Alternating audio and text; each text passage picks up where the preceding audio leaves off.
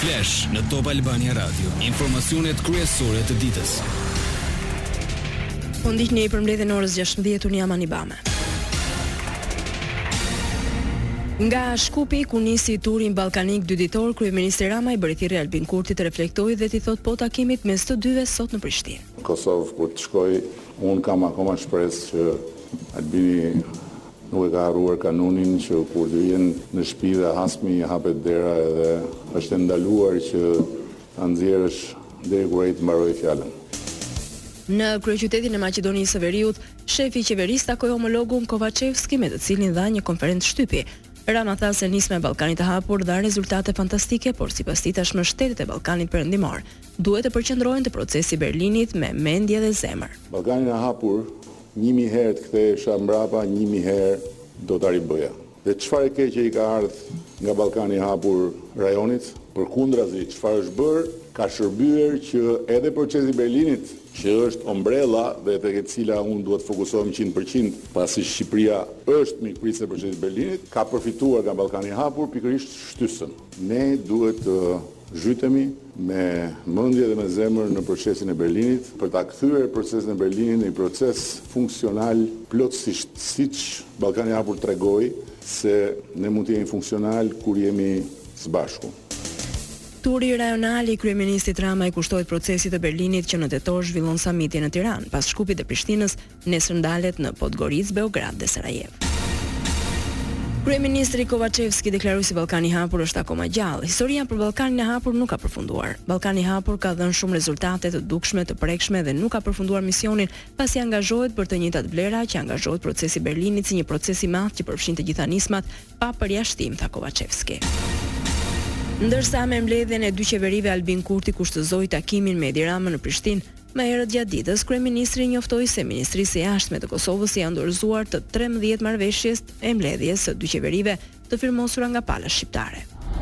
Në një postim në Twitter Rama shkruante se me kundërfirmosjen e palës kosovare marrëveshjet hyjnë menjëherë në fuqi, Mbetem me shpresë se pas heqjes së merakut të shprehur publikisht nga kryeministri Kurti për qytetarët e penguar të përfitojnë nga trembëdhjetë marrëveshjet, do të kemi edhe konfirmimin e takimit me Albinin sot pasdite. Ambasada gjermane në Prishtinë konfirmoi se përkohësisht ndërpreu bashkëpunimin me Kosovën në fusha të caktuara për mospërmbushje të kërkesave të Bashkimit Europian për shtensionimin e situatës në veri. Në fund të qershorit BE njoftoi masat e përkohshme ndëshkuese ndaj Kosovës, pasi qeveria nuk ndërmori hapat e kërkuar nga blloku europian për këtë shtensionim. Për Bashkimin Europian, vendimi i qeverisë Kosovës për të shpallur organizata terroriste, Mbrojtjen Civile dhe Brigadën e Veriut është hap i njëanshëm që nuk i kontribon uljes së tensioneve. Besohet se ato veprojnë në veriun e Kosovës dhe numrojnë qindra pjesëtarë nga radhët e komunitetit serb. Zëdhënësi i BE-së Peter Stano përsëriti thirrjen për palët që urgjentisht të ndërmarrin hapa për të shtensionuar situatën në veri.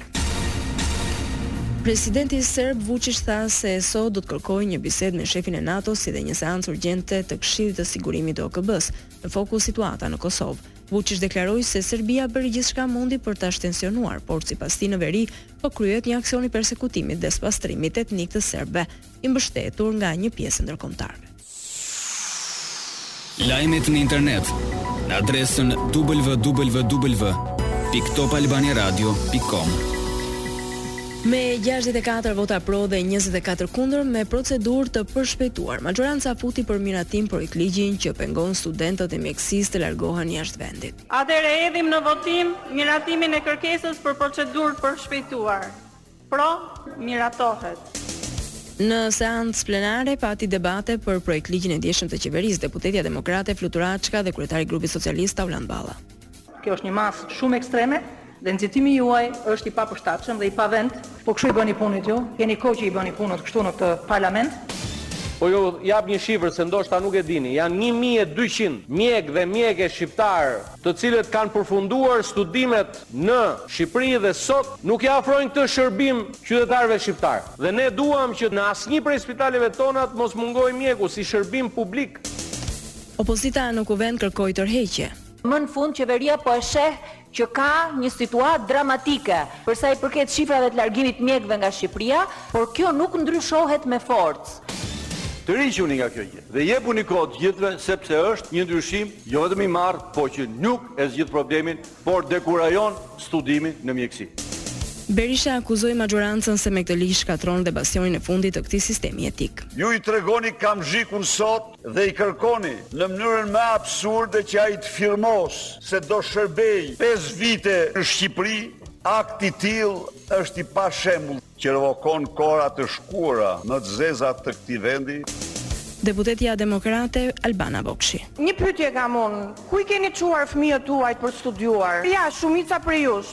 Atëherë pse fëmijët tuaj e paskan këtë të drejtë dhe ua ndaloni të tjerëve Jo, nuk po flet për procedurë, po flet për çaj. Ka miratuar një vendim. Jashtë Kuvendit protestuan studentët e mjekësisë që janë kundër vendimit për të mos ia dorëzuar diplomën nëse nuk punojnë për pesë vite në Shqipëri ose të paguajnë studimet, si masën më drastike që mendojnë të marrin, përmendën bojkotin e vitit akademik.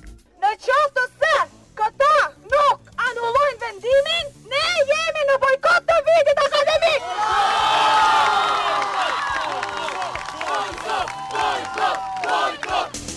Një studente protestuese deklaroi. Është komplet absurde të detyrosh mjekët e rinj të rrinë për pesë vite, tre, dy, qoftë dhe një muaj, kur ti nuk ke pagat e nevojshme t'i mbash këto mjekë dhe nuk e ke ftimin e duhur t'i mbash këto mjekë. Ne nuk duam të ikim. Unë jam një nga ato studente që dua të rri në Shqipëri dhe e kam thënë gjithmonë dhe i mëshoj gjithmonë kësaj, por ata po na detyrojnë të ikim me mënyrat e tyre Larguese, cënuese të drejtave të njeriut.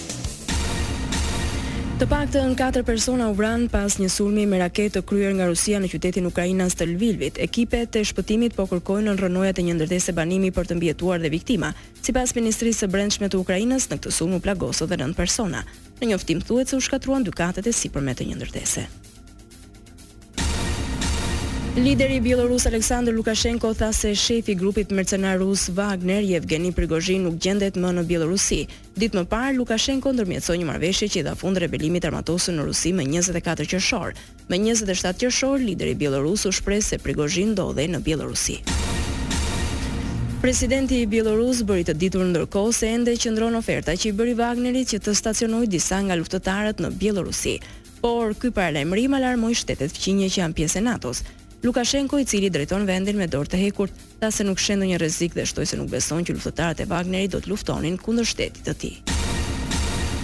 U paralajmërua se do vinte si rival i Twitter-it dhe tani është zyrtar. Threads po debuton me sukses pas prezantimit nga Meta, pronari, gjiganti i Facebook-ut dhe Instagram-it.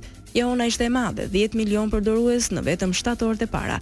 Për konkurrentin më të rrezikshëm për platformën në pronësi të Elon Musk. Parashikimi i motit. Vendi ynë do vijojë të ndikohet nga kushte atmosferike të qëndrueshme, me mot kryesisht të kthjellët në të gjithë territorin, përjashtim bëjnë vranësirat e pakta në relievet malore në lindje që shoqërohen me shira të izoluar. Temperaturat sot variojnë nga shtatëmbëdhjetë në tridhjetë e katër gradë Celsius. Ndoqët një përmbledhje të lajmeve kryesore të ditës, edicioni i radhës është në orën shtatëmbëdhjetë. Kjo është Top Albania Radio.